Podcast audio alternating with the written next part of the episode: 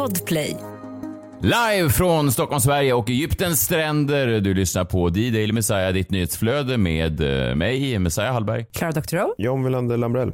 De börjar verkligen se mig som en eh, egyptier här nu, att jag börjar bli, jag har ju en nästan, jag har ju en sömlös förmåga att smälta in i de flesta miljöer och det är ju ganska kul att se sådär hur det är, till och med, till och med kamelerna på stranden eh, vänder sig nu om när jag går förbi och ja, någon slags igenkänning antar jag. Att de tror att det är jag som, att jag är dess ägare.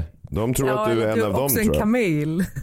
Nej, Exakt. nej, nej, nej, det tror jag inte. Ja men pucklarna på ryggen och det. Ja, kanske vad alla dadlare äter, möjligtvis. Men... eh, Du har tagit deras dadlar helt enkelt. Det är därför de glor. Håller inte era dadlar nära den där kamelen?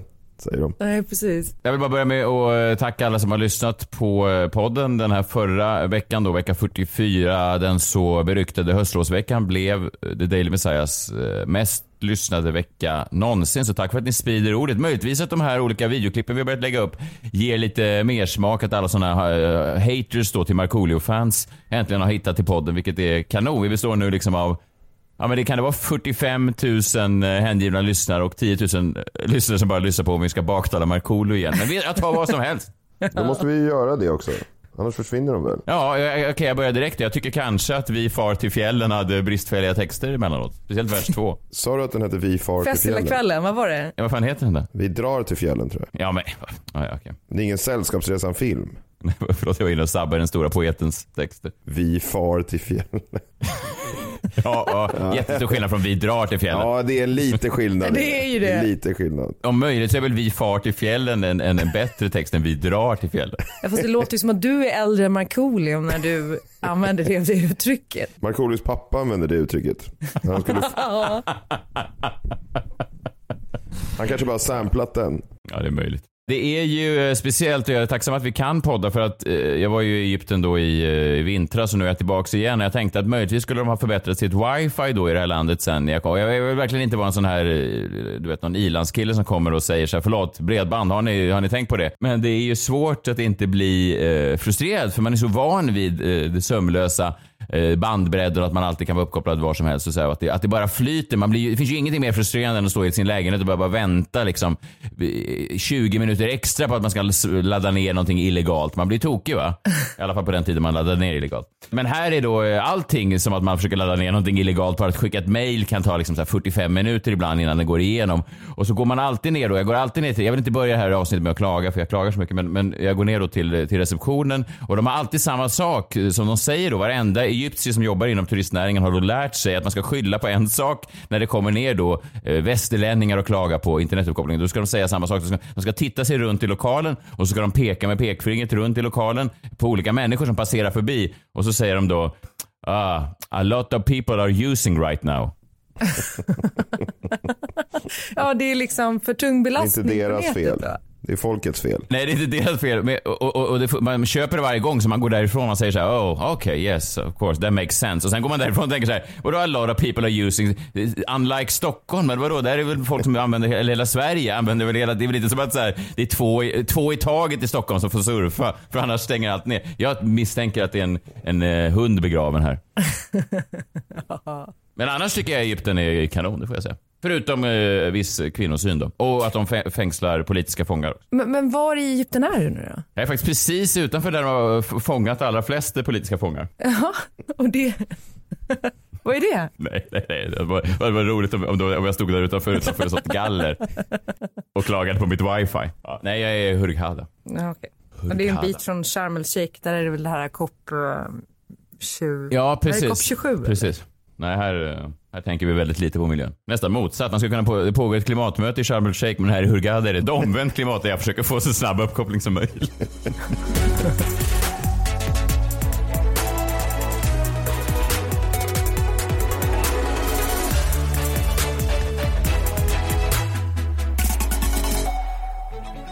Ja men välkomna hit, kul att ni lyssnar och kul att ni är så många. Eh, det är ju eh, fint såklart och, och att ni är med oss. Eh, vi har ju tyvärr blivit dragna vid näsan, John och Klara. Vi bad ju då om Jombola-vinjetter, vinjetter till din älskade Jombola. Då har en kille som heter Samuel Hall helt enkelt dragit oss vid näsan. Han skickade då in en vinjett som vi spelade upp igår. Och ja, vår mailbox har ju svämmat över då med folk som säger att den låten som Ja, där de sjöng Jombola om och om igen och som vi tyckte var ganska trevlig som du Klara Doktorov kallade judisk jazz. Uh-huh. Den eh, visade sig då vara stulen från en annan podcast som då heter Tombola, snarlikt namn såklart, eh, med Carl Stanley och Marcus Bergen. Där de då sjunger, istället för Jombola, Tombola på samma sätt. Vadå, den är snodd? Ja, den är stulen rakt av. Ja, men inte rakt av. De har ju gjort sin egen version på den. Nej, nej, nej. Nej, nej. De har bara bytt ut tombola till jombola. Ja, ja jo, jo. Okay. Jo, men det är väl, alltså, jag menar, det är väl jättepopulärt att göra, alltså man samplar gamla låtar och gör nya av dem. Vadå, som vi, eh, vi far till fjällen var en cover på Vi drar till fjällen? Ja, tvärtom tror jag. okay, ja. ja. men också så I'm, I'm good med BB Rexa är en, en cover på Eiffel 65's Blue till exempel. Ja, den tycker jag faktiskt inte om. Nej, fast det har inget med saken att göra om du tycker om den eller inte. Det är ändå, alltså själva Principen är ju densamma. Att man tar någonting gammalt, sätter en liten ny touch på den och så blir det en ny produkt. Så jag tycker inte att någon har gjort något fel. Nej, det är bara att det blir ju lite tråkigt. Vi måste ju ha en unik eh, vignett som är liksom lika unik som jombolan tycker jag. Den, den är ju något eget och den förtjänar något eget något bombastiskt. Liksom. Ja, verkligen. Och, och, i de här tiderna med fri internetuppkoppling i stort sett överallt över hela världen, förutom då Egypten, så har man ju sett eh, ganska många tusentals, kanske tiotusentals olika versioner av Jombolas. Men man har ju faktiskt aldrig sett en lika ståtlig och praktfull som den du har John. Och det är väl någonting som man vill även fånga då i, i gingen tänker jag. Exakt. Eller hur? Det är lite dålig uppkoppling. Jag hör inte så bra. jag tror att det är många som använder internet där nere nu. Så vi får nog gå vidare här innan vi tappar det helt. Ja, ja, men vi har fått in en till. En ny jingel. Har du en jombola idag eller? Ja. Bra, då kan vi spela den. Det här är en ny jingel för jombolan. Vi provar om den här. Vi hoppas inte den här är stulen också, för då, då lägger jag ner det här. Okej, ny uh, jingel inskickad från Richard Winkfield, hela vägen från Storbritannien kanske. Jaha, Richard Winkfield. ja, det låter taget möjligtvis. Men, ja, men bra ja. namn. Ja, det låter lite påhittat. Mr Winkfield. Ja, verkligen som att någon har sagt vad skulle en engelsman kunna heta? Bara, Richard Winkfield. Jag tror Winkfield. Perfekt, vi kör på det. Ja, men gud, tänk om han heter så på riktigt och så säger ja. ni så här. Va? Det är ett otroligt namn. Ja, men han låter bara som det ultimata britten. Han låter som att han liksom driver brexitfrågan. Att han står längst fram och driver. Talk to Mr Winkfield. ja, han är nä nästa premiärminister om några veckor. Okej, okay, här, kommer, här kommer Mr Winkfields bidrag. Lift off and the clock has started.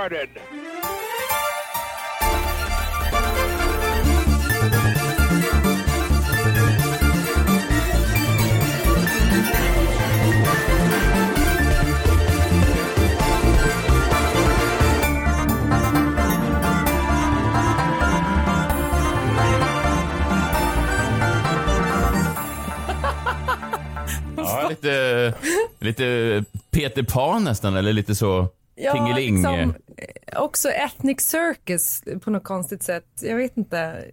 Mycket flöjt, eller vad var det? Synt, flöjt, en blandning. Ja, men den var ju snygg, väldigt fint producerad och, och grattis till det fina namnet Mr Wingfield. Men eh, det, det, behöver ju liksom inte vara det här att det ska vara en cirkus. Vad, vad är liksom... vad, det, det, alltså att det är någon sån här turnerande karneval, det har liksom ingenting med det att göra. Det är ett nöjessegment Nja.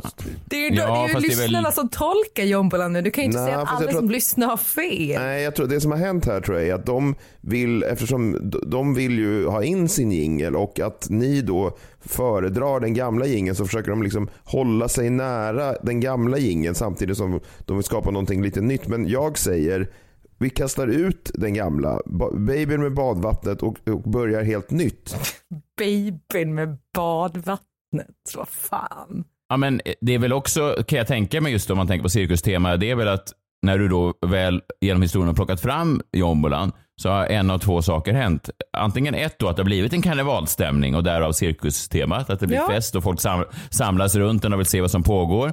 Och de har hört ryktena om hur, hur grandios är den och så vidare. Och, så. och sen det andra som händer är ju att folk blir rädda. Att det här var inte rädda. Att det är nästan som en också karneval. Alltså en tiger i en bur. Att det är en sådär, man håller i barnen. Akta, akta, det är inte farligt. Och så står det någon sån lejontämjare och, och försöker för, förtydliga för barnen att det inte, den ser grotesk ut, ja.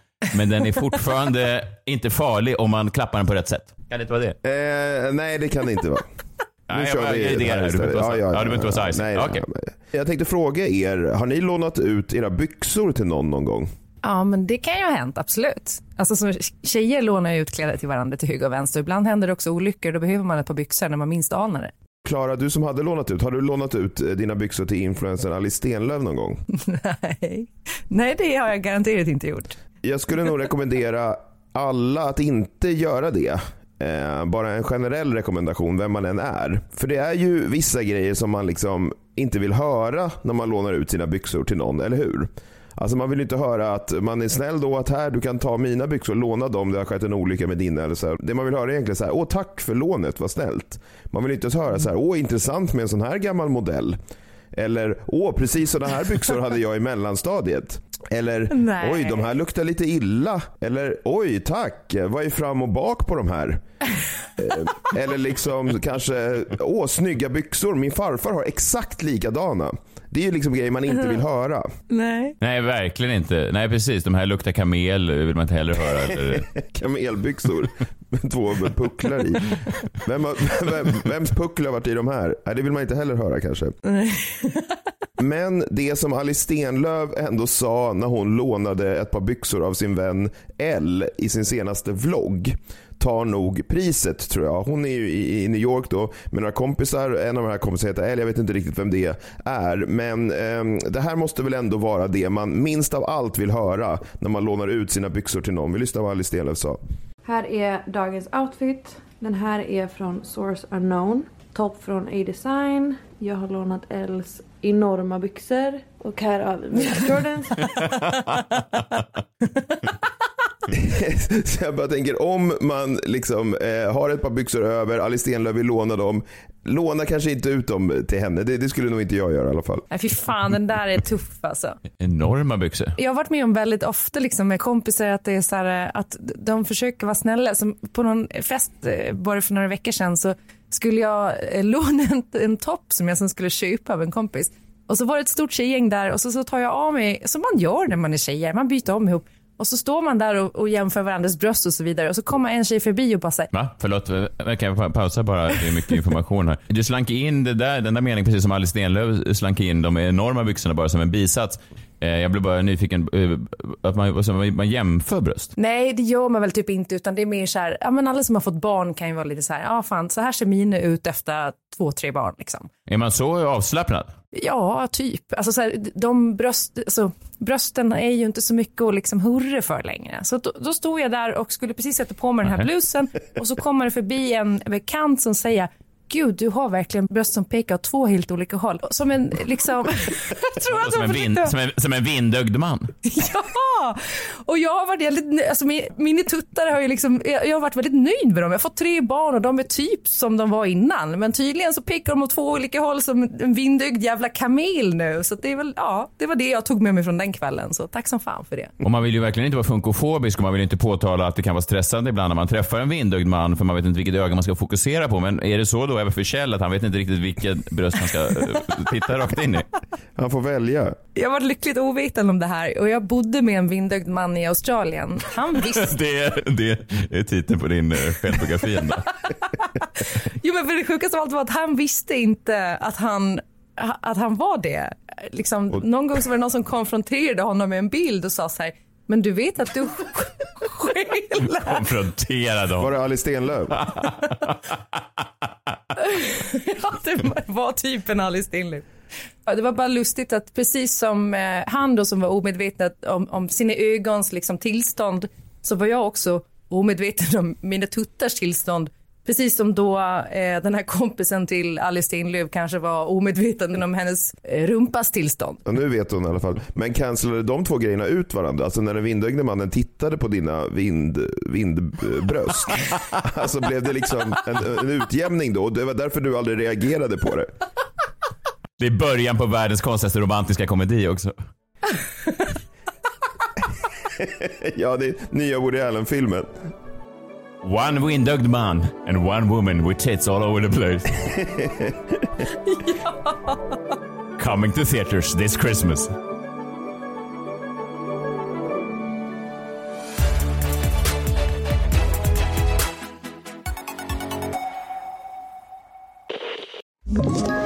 Ett poddtips från Podplay. I fallen jag aldrig glömmer djupdyker Hasse Aro i arbetet bakom några av Sveriges mest uppseendeväckande brottsutredningar. Går vi in med hemlig telefonavlyssning och, och då upplever vi att vi får en total förändring av hans beteende. Vad är det som händer nu? Vem är det som läcker? Och så säger han att jag är kriminell, jag har varit kriminell i hela mitt liv men att mörda ett barn, där går min gräns. Nya säsongen av Fallen jag aldrig glömmer på Podplay.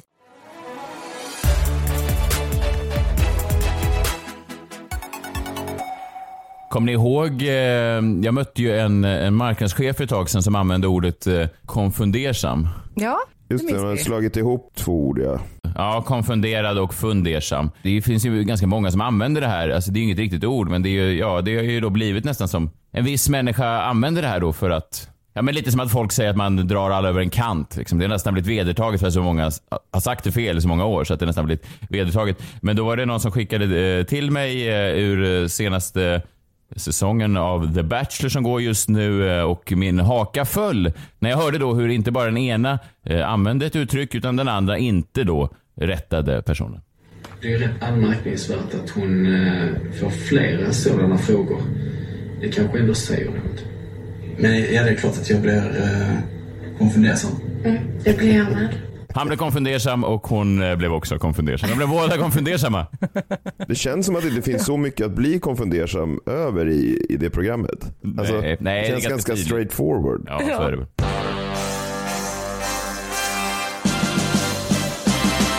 Messiahs minut. Messiahs minut idag beger sig till Egypten och eh, ja, det är ju där jag är så att det blir ju spännande. Och jag var inne på det här redan eh, förra gången jag var i Egypten för då hade kriget i Ukraina precis utbrutit och eh, jag slogs av hur mycket ryssar som var på plats och ryssar då som var ganska obrydda, verkade obrydda. Jag vet inte riktigt exakt hur jag ville att de skulle markera emot kriget men de var jag minns ni det? Det var en tid då där, där också ryssar liksom förföljdes felaktigt såklart hemma i Sverige. Många var sådär. Det utvecklades ju då det här ordet, på tal om påhittade ord, ryssofobi som man aldrig hade talat om förut. Att folk var sådär, gick till kanske en rysk butik i Stockholm och stod där utanför och skrek. Vilket var ju avskyvärt såklart. Ja, just det. Heter det inte russofobi? Russofobi. Ja, jag tror det. Ja, så kanske det heter. Russofobi då. Ja, men eh, precis. Russofobi, russofobi. Ja, russofobi är nog rimligare. Russofobi. När var det du var där förra gången? Eh, Det var ju precis den där veckan där eh, Putin gick in, eller veckan Ja, efter. just det. Sjukt. i, i Ukraina. Ja. Ja. ja. Så att, men, men det som slår mig då när jag är här igen, det är nu eh, att det pågår eh, samma sak fortfarande. Det är fortfarande enormt mycket ryssar här. Och jag blev bara lite häpen över det, eh, för att man vet ju då att eh, Ryssland är ju ganska, det är svårt att turista ifrån landet. Alltså det är svårt att komma in. Många länder har ju stängt sina gränser mot Ryssland. Och många vill ju inte släppa in ryssar och så. Det kan man tycka vad man vill om. Men, men det är ganska svårt. Man hör ju om, om ganska många välbeställda ryssar som har det svårt att turista. Att det, det är först då som, de liksom, ja, som kriget ens påverkar dem. För att de vill åka på en härlig semester. Men Egypten verkar inte ha några sådana regler emot att släppa in ryssar i landet i alla fall. Nej. Okej. Och, och, det- och det är väl, eh, jag vet inte vad jag ställer mig i den frågan. Då. Det är väl, de kanske ska få turista och så vidare. Men det som förvånar mig lite grann är ju då att man tänker på eh, hur det var runt 2004. För då backpackade jag runt i Asien. Och då träffade man ju många eh, amerikaner. Och det amerikanerna gjorde då, 2004 när de reste runt i världen, i alla fall de, ska, säga, ska man säga, de upplysta amerikanerna, de som så att säga var lite medvetna om det som hade hänt då 2003, kanske var på felaktiga grunder. Irakkriget var ju 2003 och det innebar ju att amerikaner i massa år efter det förställde sig. Alltså de, om man träffade en amerikan då 2004 som var ute och reste i Asien så vågade de inte ens avslöja att de var från USA utan de påstod sig vara från Kanada. De sa ju alltid det. I'm from Canada. I'm Bill. I'm Bill Hicks from Canada. Richard Winkfield från... Ja, precis. Ja, ja, ja. Ja, precis. Jag är Richard Winkfield från Toronto, Canada. Eh, Han kanske hittade på det namnet i samband med kriget och sen har han bara kört på det. Ja, det är möjligt. Det, är möjligt. det var till och med så när man träffade mm, eh, amerikaner ibland eh, på den där resan så satt de och, och, och la sig till då med vissa kanadensiska uttal så här som de brukar säga aboot. Eller de pratar ju sådär lite aboot, aboot. Ja, jag kan inte göra det. Men, men det var, de gick verkligen in i rollen för att de, deras värsta mardröm var då att förknippas med regimen då som hade gått in i Irak och startat kriget. Men ryssen verkar inte, i alla fall inte de som är på plats och lapar sol här i Egypten, verkar inte vara det. Det är ingen som går runt med någon sån slava eh, Ukrain-pin. Det finns ingenting sånt. Snarare går de runt med såna här, jag har sett du vet, ryska hattar. Alltså det är nästan nationalistiska ryssar, många av dem som är här. De verkar då stolta över sitt land eh, på ett sätt som, som blir, jag vet inte, det blir bara ögonöppnande. För man, Den bilden får man ju inte i resten av världen. Då är ju nästan, man tänker att alla borde gå runt och skämmas för det som har skett i landet. Inte Ja. att de är skyldiga liksom, till, till angreppet i sig, men att de inte borde framhålla sin nationalitet så tydligt. Men det verkar de inte ha några problem med alls. Och de är dessutom, ja, sist när jag var här så beklagade jag mig över att de tog så mycket plats vid då VIP-poolen och de Är det det som kanske stör dig mer än, än det andra? Nej, det är det väl inte, men de... Har du tagit debatten med dem? Nej, ja, jag gjorde det med en eh, ryss som, som trängde sig i omelettkokskön. Men inte trängseldebatten? Krigsdebatten menar jag. Jaha. Nej, jag börjar tänka med omelett och sen kan jag gå på krig eventuellt om vi möts igen. Det kan var- vara som en, liksom, det en symbol för kriget. Det är roligt Ja. att omeletten ligger närmare också än, än kriget för dig. Först Cherson och nu omelett. Så ska du bara ta för er. Nej men han var också så ung, jag blev så arg och det var ju felaktigt av mig. Han kanske var 14 år och jag skällde på honom. Jag sa så här, det är inte olikt er, är det det? Och komma in i områden som inte tillhör er. Han såg ju, han såg ju förvirrad ut och så pekade jag då på omelettkocken för jag hade stått i kö jättelänge och så kom han ner med sin tallrik och sa någonting på ryska, jag ska inte göra hans eh, dialekt. Och så sa han, no you go ahead, you go ahead. Och då lät han mig komma in. Men då var det för sent för då tänkte jag att man kan inte först invadera ett område och sen långsamt backa ut och be om ursäkt. Utan då får man stå sitt kast och stå där med skammen. Eh, ja, det blev i alla fall, eh, det är väl egentligen det närmaste jag kommit att ta själva krigsdebatten med en, med en ryss. Alltid du de här jävla omelettkockarna. Jag tror, tror fan aldrig jag sett en omelettkocka. Men i din värld verkar de existera liksom överallt. Var du än åker så finns det en omelettkocka. Jag har fan aldrig sett någon omelettkocka. Jag bara undrar vad det här är för något. Om du väljer hotell Ja. utifrån om det finns en omelettkocka Ja, det gör jag. Ja, ja, ja, ja, ja, ja, det gör jag. Det är, för mig jag har aldrig är det... sett det filtret Halv- på hotels.com. Alltså det finns pool, finns ju pool, balkong. Jag har aldrig sett omelettkok. Det borde finnas ett Messiah-filter där jag bara klickar i omelettkok. Ja. Ja, verkligt. Jag tycker att det säger någonting om ett hotell. Om det står en kille där och svettas över 12 omeletter samtidigt så är det, jag vet inte, det är ett, ett sigill på något sätt. Att det, att det är bra tycker jag. Ja, och att han får jättebra betalt. Ja, det vet jag faktiskt inte. Men det, det, det är också såklart viktigt. Men framförallt också att han är riklig med osten i omeletten. Ja, jag samma. Han har ett konto fyllt med ost. Ja, ja. Okej, men då tänkte jag i alla fall på dem. Det är en sorts rikedom, ja. Ja, du, ja Ali, du får numera betalt i cheddar. Hoppas du är nöjd med det. Jag vet inte om det är så det går till. Det är möjligt. Jag menar inte att han ska bli betald i ost. Jag menar att min omelett ska innehålla mycket ost. Inte att han ska bli rik i ost. Ja, så. Men det var bara fascinerande också att se så mycket ryssar här för att 21 september i år så utfärdar då eh, Putin en allmän mobilisering i Ryssland vilket innebär då att de kan gå in på liksom jobb. De kan komma, du kan gå in till ditt trista jävla kontor klockan nio på en tisdag och sen plötsligt vid, vid 12 så står det ett gäng där från den ryska militären och säger så här, alla män följer med mig här nu. Och sen får de liksom inte komma tillbaka för de ska ut i krig. Det är så det kan gå till nu. Så det är så sjukt att se alla de här ryssarna bara ligga och lapa sol. De verkar så långt, de verkar så otroligt distanserade från den situation som pågår hemma i, i sitt hemland då. Och eh, jag läste i DN här för ett tag sedan om en, en kvinna som heter Jelena Popova. Och hon hjälper då folk att komma på ursäkter nu. Alltså sånt som du och jag John skulle behöva om vi bodde i Ryssland. Alltså ursäkter för att komma undan kriget. Sånt som vi gjorde då när vi mönstrade i Sverige för 20 år sedan. Eh, Ja men det här att man skyller på torra ben eller att man är närsynt. Jag tror man måste ha starkare anledningar än så i Ryssland. Ja, det tror jag också. Och det är en fin kvinna då som alltså viger sitt liv nu åt att försöka hjälpa ryska stackars män som inte vill stå bakom kriget att komma undan att dö för en strid som de själva inte har valt. Och eh, ja men det är väl bara, det var bara fint. Jag vill, Ja, bara fint. påminna mig om att det finns den, den typen av ryssar också. Inte bara sådana här jävlar som invaderar omelettköer över hela världen.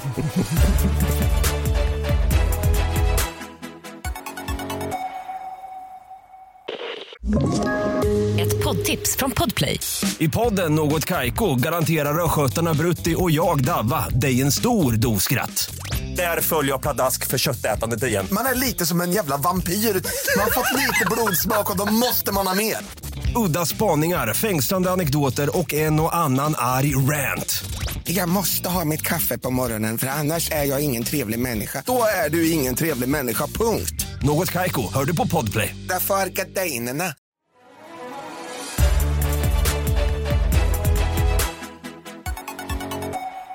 Klara Doktorov, eh, dags för ett väldigt älskat segment där du plockar fram en gåspenna och jag är väldigt nyfiken på vem du adresserar ditt brev till idag? Det här är någonting som har, har liksom jäckat mig länge nu. Jag känner att vi liksom måste få någon slags eh, men, koll på det här. Och jag har då ett öppet brev till alla som funderar över Nick Cannons 11 barn med sex olika kvinnor. Kära ni.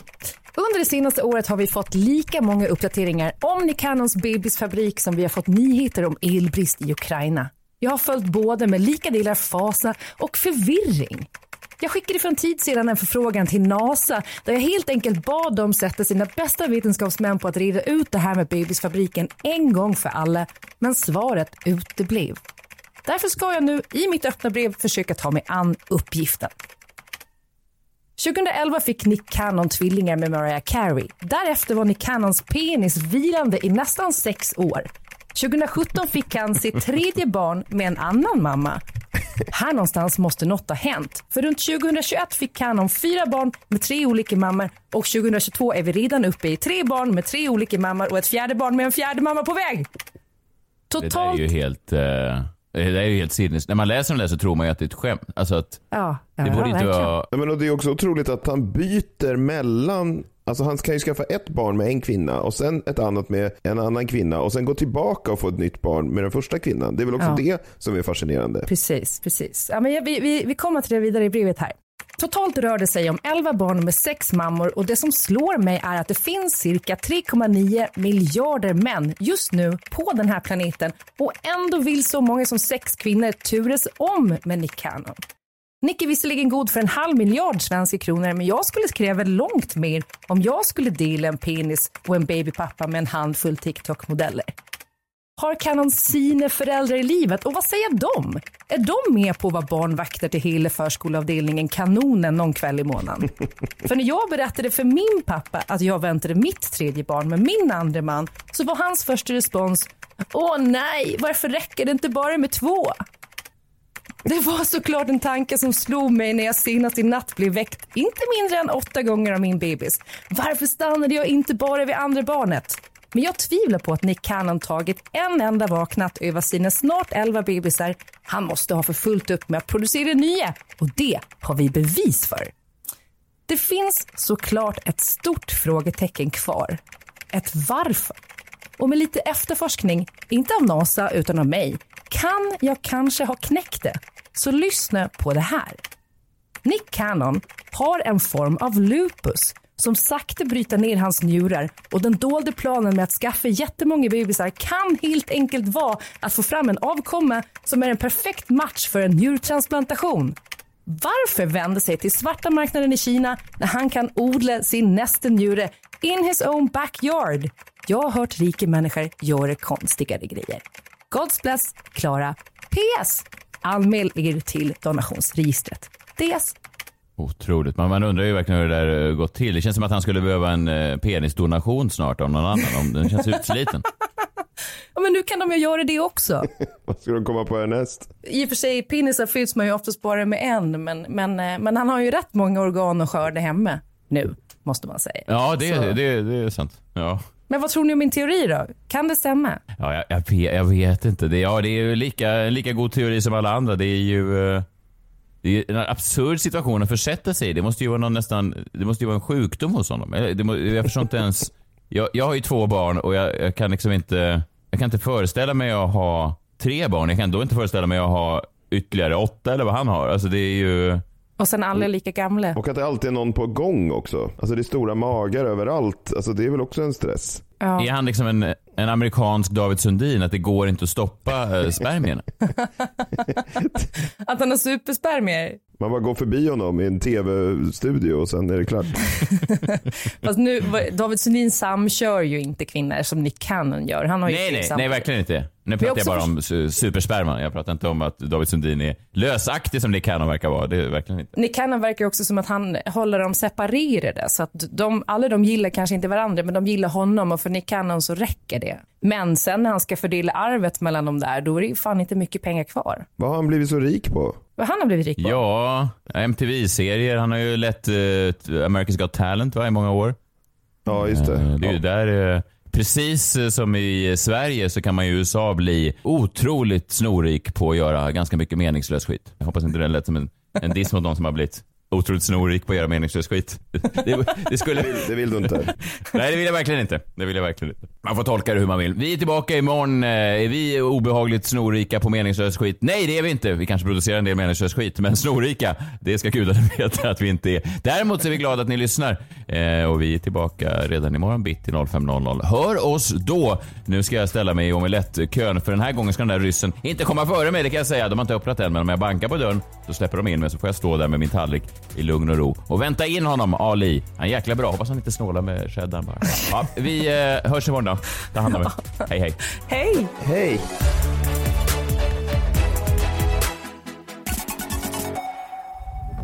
Podplay, en del av Power Media. Ett poddtips från Podplay. I podden Något Kaiko garanterar östgötarna Brutti och jag, Davva, dig en stor dos skratt. Där följer jag pladask för köttätandet igen. Man är lite som en jävla vampyr. Man har fått lite blodsmak och då måste man ha mer. Udda spaningar, fängslande anekdoter och en och annan arg rant. Jag måste ha mitt kaffe på morgonen för annars är jag ingen trevlig människa. Då är du ingen trevlig människa, punkt. Något Kaiko, hör du på Podplay. Därför arkadeinerna.